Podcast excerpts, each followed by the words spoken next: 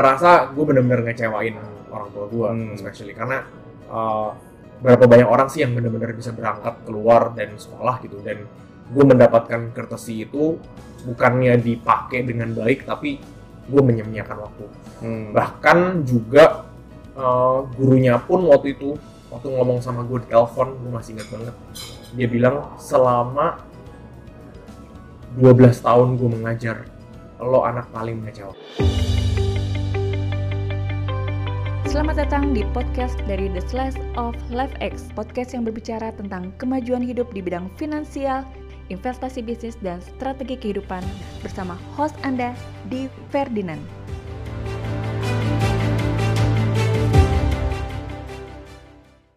Oke, back with me di Ferdinand. Hari ini kita akan bincang-bincang bersama dengan salah seorang anak muda yang luar biasa namanya Fendi Satria, di mana dia meneruskan uh, kerajaan bisnis atau bisnis dari orang tuanya yang tadinya dia tidak tertarik. Nah, kita akan ngobrol banyak dan bertanya-tanya dengan Fendi Satria. Halo, Fen. halo Good to meet you here. Thank, Thank you, you. for your time. Saya Thank you tahu kamu busy banget as a young uh, businessman ya. right right Gimana sih rasanya berbisnis di Indonesia nih? wah I think Indonesia in general sih marketnya masih luas banget Luas ya. banget ya. kesempatannya masih banyak banget Oke. Ya.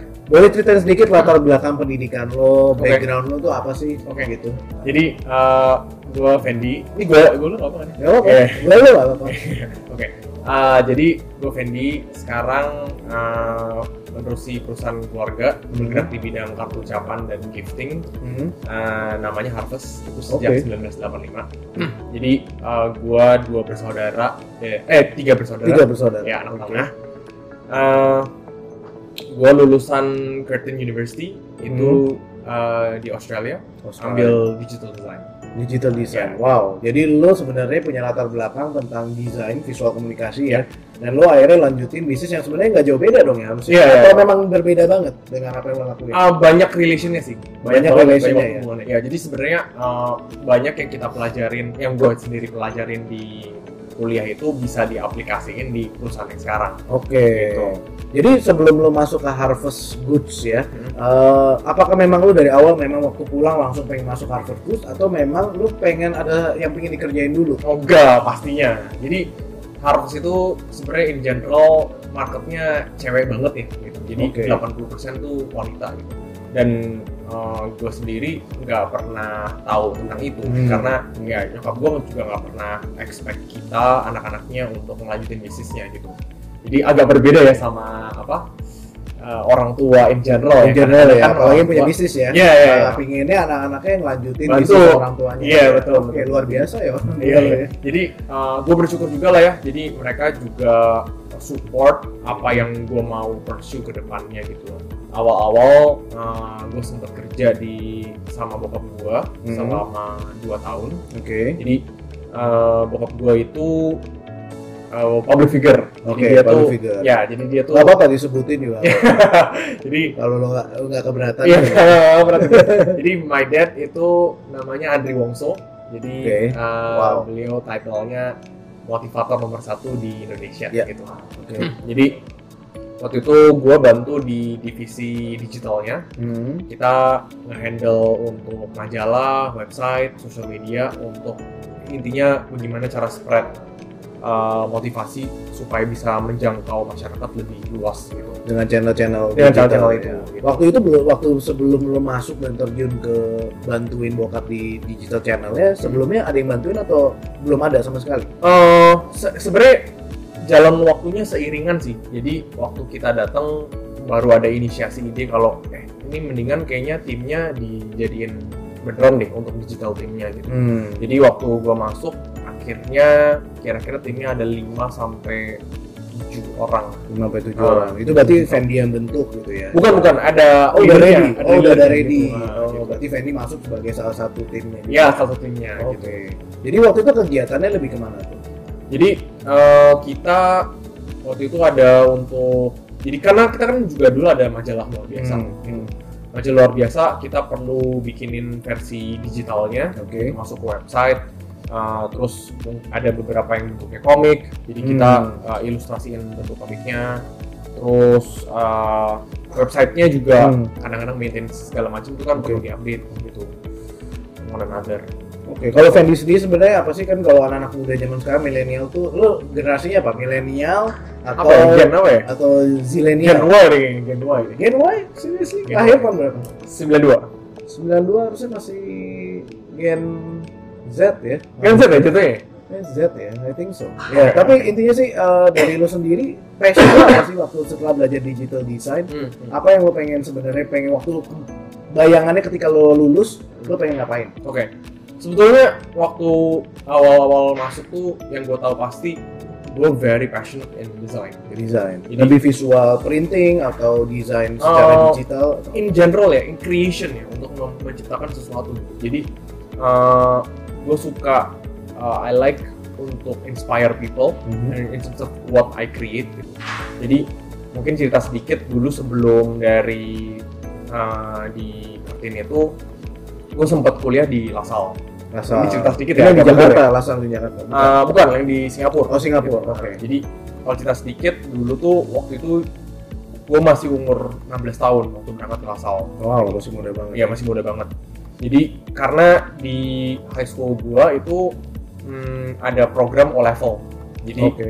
lebih muda lah ya. Wah, bisa berangkat itu dua tahun. Hmm. Makanya 16 tahun kita gue sendiri berangkat gitu. Oke. Eh, di sana terus terang gue masih belum dewasa gitu. Hmm. Jadi waktu gue kuliah itu uh, selengean main-main Oke. di main game lah. Game apa tuh? Online, Main- Mobile Legend belum Uh, ada ya? Dota, belum ada, belum ada. Dota jadi. Dota, Dota, satu malah, Dota satu. Oh, masih early banget. Uh, it was really fun. Uh, fun itu sampai kayak eh uh, tidur udah terang, bukan udah malam. Oh. Ya, jadi bener-bener mainnya tuh lumayan intens lah, gila gitu. Oke. Sampai uh, pekerjaannya pun juga mainnya ketinggalan.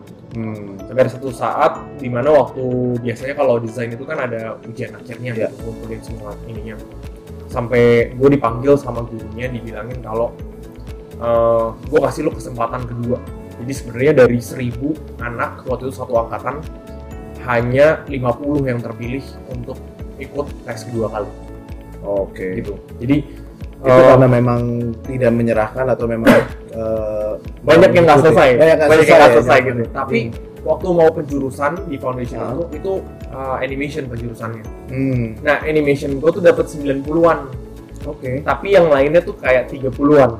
Oh, wow. Jadi eh, guru ini mikir mungkin anak ini sebenarnya bisa, tapi kok males gitu loh. Hmm. Jadi saya dikasih waktu satu minggu untuk catch up, tapi pada akhirnya itu nggak kelolosan.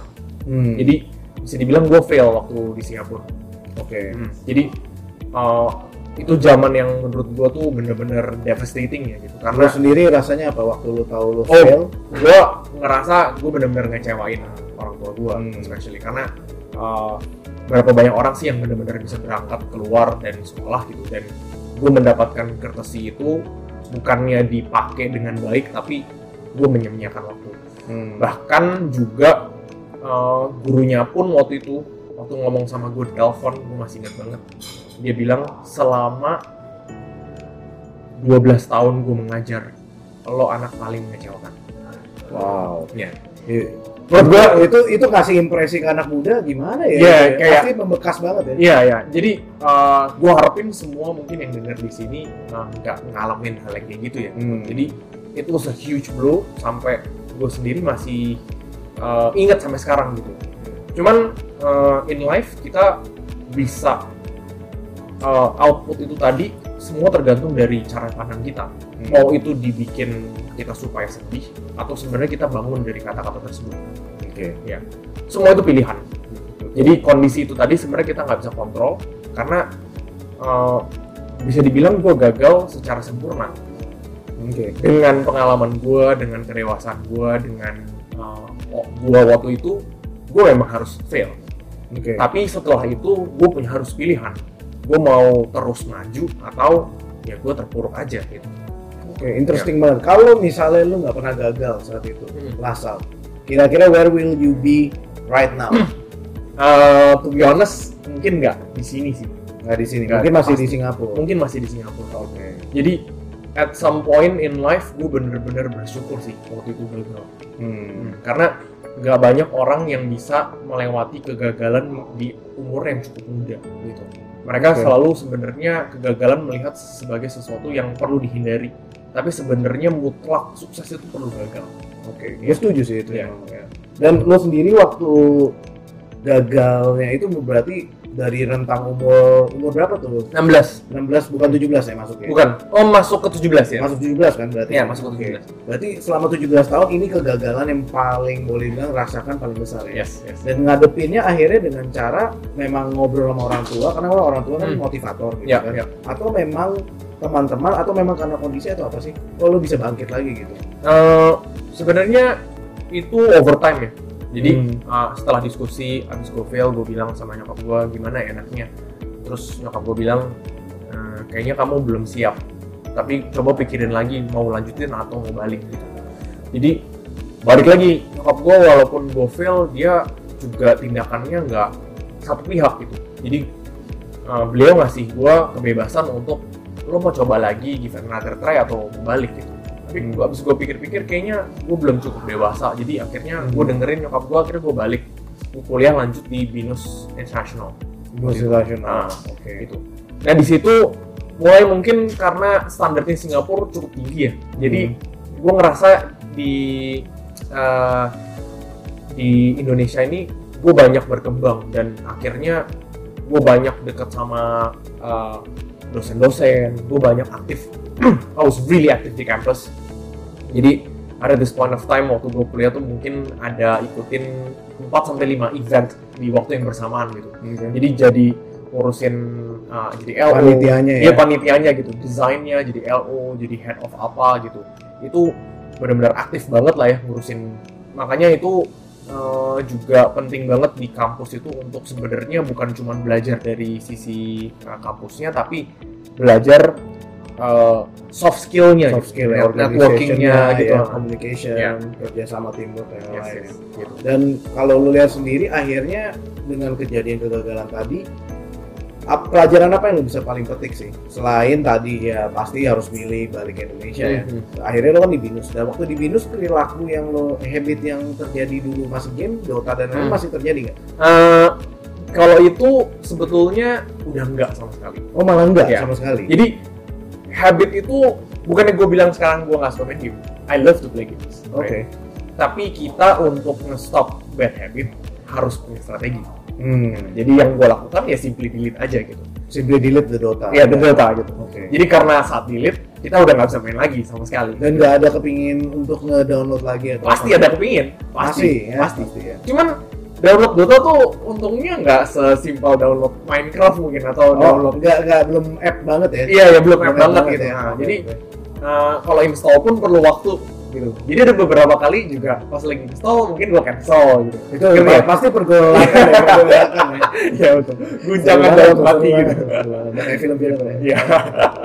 Menarik banget ya. Da- Dari lu sendiri waktu eh, gua pernah dengar juga lu sempat bikin namanya bawon kreatif ya. Nah, apa sih bawon kreatif itu? Oh, jadi setelah dua tahun gue kerja sama bokap gue, gue uh, bilang sama nyokap gue, ini kayaknya gue perlu coba pursue deh dari Hmm. sisi entrepreneurship gitu. I wanna do something that I really like. Jadi waktu itu, hmm, the idea was bikin production house uh, untuk mau startup ataupun professionals gitu. Professionals in terms of like multinational companies lah gitu. Jadi dan nyokap gue juga again very supportive of it. Jadi gue akhirnya bikin perusahaan uh, bergerak di bidang kreatif untuk bikin konten-konten commercials ke uh, multinational companies, national companies ataupun startups gitu. Oke, dan itu berjalan berapa lama? Itu berjalan dua tahun lebih lah ya, dua tahun Dua tahun gitu lebih ya. Nah, Hampir tiga tahun, tiga tahun. Dan project-projectnya itu berarti apa aja tuh? Uh, jadi misalkan uh, kita kerjain uh, animation videos startups kayak explainer ya karena Hmm. waktu itu zamannya 2014-15an tuh uh, maraknya digital semua Hmm. orang mau bikin uh, startup gitu kita sebagai content provider untuk uh, bikin video biar mereka bisa explain company mereka gitu jadi satu menit satu setengah menit video untuk menjelaskan Video explainer Ah, ya yang pakai gambar-gambar kartun gitu. ya? Betul, betul. Oke. Jadi uh, waktu itu sama kita ada Crave, Crave uh, Crave ya. makanan, Makanan. uh, makanan. Terus uh, ada Ubiclan uh, untuk on demand uh, Oh, advertising, advertising nah, di mobile, mobil ya, gitu. Nah, mobile ya. Terus uh, a few others lah kalau untuk national companies kayak Ciputra, BCA, hmm, Makarizo gitu. Mayora juga Hmm. and some other companies. Basically. Kita cukup apa ya? Bersyukur lah ya mereka actually percaya sama kita walaupun kita baru beberapa tahun gitu. Wow, itu Gitu. itu tiga tahun lo punya big brands ya working with Hmm. you. Itu cara lo strateginya apa sih waktu itu yang lo lihat? Why do uh, kenapa sih those client are actually want to work with you? Right. Jadi uh, satu sih yang penting kita omongin ke mereka. We don't want to create something yang sebenarnya akan obsolete Hmm. ke target konsumen mereka gitu. Oke. Jadi apa selalu yang kita tanyakan pertama kali pasti objektifnya apa Oke. gitu. Jangan sampai mereka pikir uh, kayak mungkin studi kasusnya uh, panorama ya. Ya. Uh, waktu panorama datang ke kita, mereka bilang kita mau bikin animasi gitu. Hmm. Tapi kita bilang animasi ini untuk apa gitu. Ada tujuannya Nah, dulu ya. tujuannya apa Tujuannya jelas. Gitu. mereka hanya pikir semua startup ini bikin animasi mereka akhirnya pengen bikin animasi kan uh, ikut-ikutan tren. Ah, betul Banyak ikut-ikutan tren nah banyak Karena banget gitu Itu zamannya kayak zaman gua waktu itu ngerjain flash animation semua pengen yes yes animation. yes exactly Itu juga ya. ya something like that gitu jadi uh, abis kita udah diskusiin uh, ternyata kebutuhannya sama sekali bukan animasi gitu Hmm. akhirnya kita waktu itu berangkat uh, semingguan untuk syuting uh, komersialnya mereka di hmm, hotel-hotelnya mereka gitu Oke. karena kita bilang kalau hotel nggak akan mungkin dapat esensinya kalau animasi Betul. orang gimana tahu liburan seperti apa bentuknya kalau hotelnya nggak dipertunjukkan Betul. gitu. Kenyamanannya Ya. ya. jadi setelah diskusi mereka akhirnya percaya oke memang bener uh, mereka actually care sama kita bukan cuma buang duit doang sebenarnya kalau kita bilang oke kita kerjain animasinya sebenarnya bisa aja gitu gitu mata gitu nggak Ah, mau ah. pokoknya mau ngerjain ngerjain iya gitu sebenarnya bisa aja berarti uh, di sisi itu lu kelihatan seperti consulting ya buat hmm, mereka ya secara nggak langsung lu juga memberikan ide lebih dan nilai manfaat lebih yes, dan yes. uh, aplikasi supaya cocok dengan apa yang mereka butuhin ya Hmm. dan itu yang membuat klien-klien ini akhirnya uh, based on referral Yes, ya kelihatannya ya Iya, iya. oke menarik Jadi, banget ya. banyak uh, perspektif yang gua uh, dalemin juga itu what if I'm in their position jadi kalau bagaimana kalau lu ada di posisi mereka Hmm, gitu ya hmm, gitu gue juga mau of course uh, get the best out of siapa pun yang ngerjain konten untuk kita gitu Hmm. nah jadi gue selalu memposisikan diri gue bukan cuma di posisi gue tapi di posisi dia juga gitu Oke. Menarik Gitu. banget. Nah, dari lu sendiri sekarang ini kan lu megang bisnis orang tua ya. Hmm. Dan ini pasti satu obrolan yang cukup panjang nih. Iya, iya, Karena iya. gue pernah dengar ceritanya dari salah satu IG stories lu Iya, gitu kan dan gue that's why you're here. Mhm. Karena menurut gue itu sangat-sangat relevan untuk generasi sekarang yang Yes. pasti punya papi maminya atau orang tuanya Mhm. atau keluarga kerabatnya yang punya bisnis besar Banyak tapi banget. akhirnya banyak banget pengen banyak yang nggak yakin gitu kan. yes yes Hopefully kita bisa ngobrol itu di uh, the next episode, Hmm. next segment supaya teman-teman di bisa dapat lebih banyak. oke Oke, Eh, kalau ada orang pengen nanya tentang Fendi, pengen ngobrol sama lu, Hmm. eh, ke mana? Oh. Your IG atau apa? Iya, main Instagram aja sih. Apa Fendi Satria, Uh-uh. uh, Victory, Endang Nano, Delta Yang. Satria biasa, hanya tapi dua. Oh, hanya AA ya. Ya, Oke. Gitu. Oke, kita selesaikan dulu. Kita kita akan lanjut lagi nanti eh, untuk eh, Money Talk. Nanti kita akan lanjut tentang bagaimana menangani generation business bersama Fendi Satria yang akan bicara tentang harvest goods dari penanganannya, bagaimana dia menghandle isu-isu yang terjadi di dalamnya juga. Oke, Eh, bersama saya di Ferdinand di Money Talk dari Life X Academy. Thank you. Ikuti terus episode dari The Slash of LifeX dengan follow sosial media kami di Instagram dan YouTube LifeX Academy.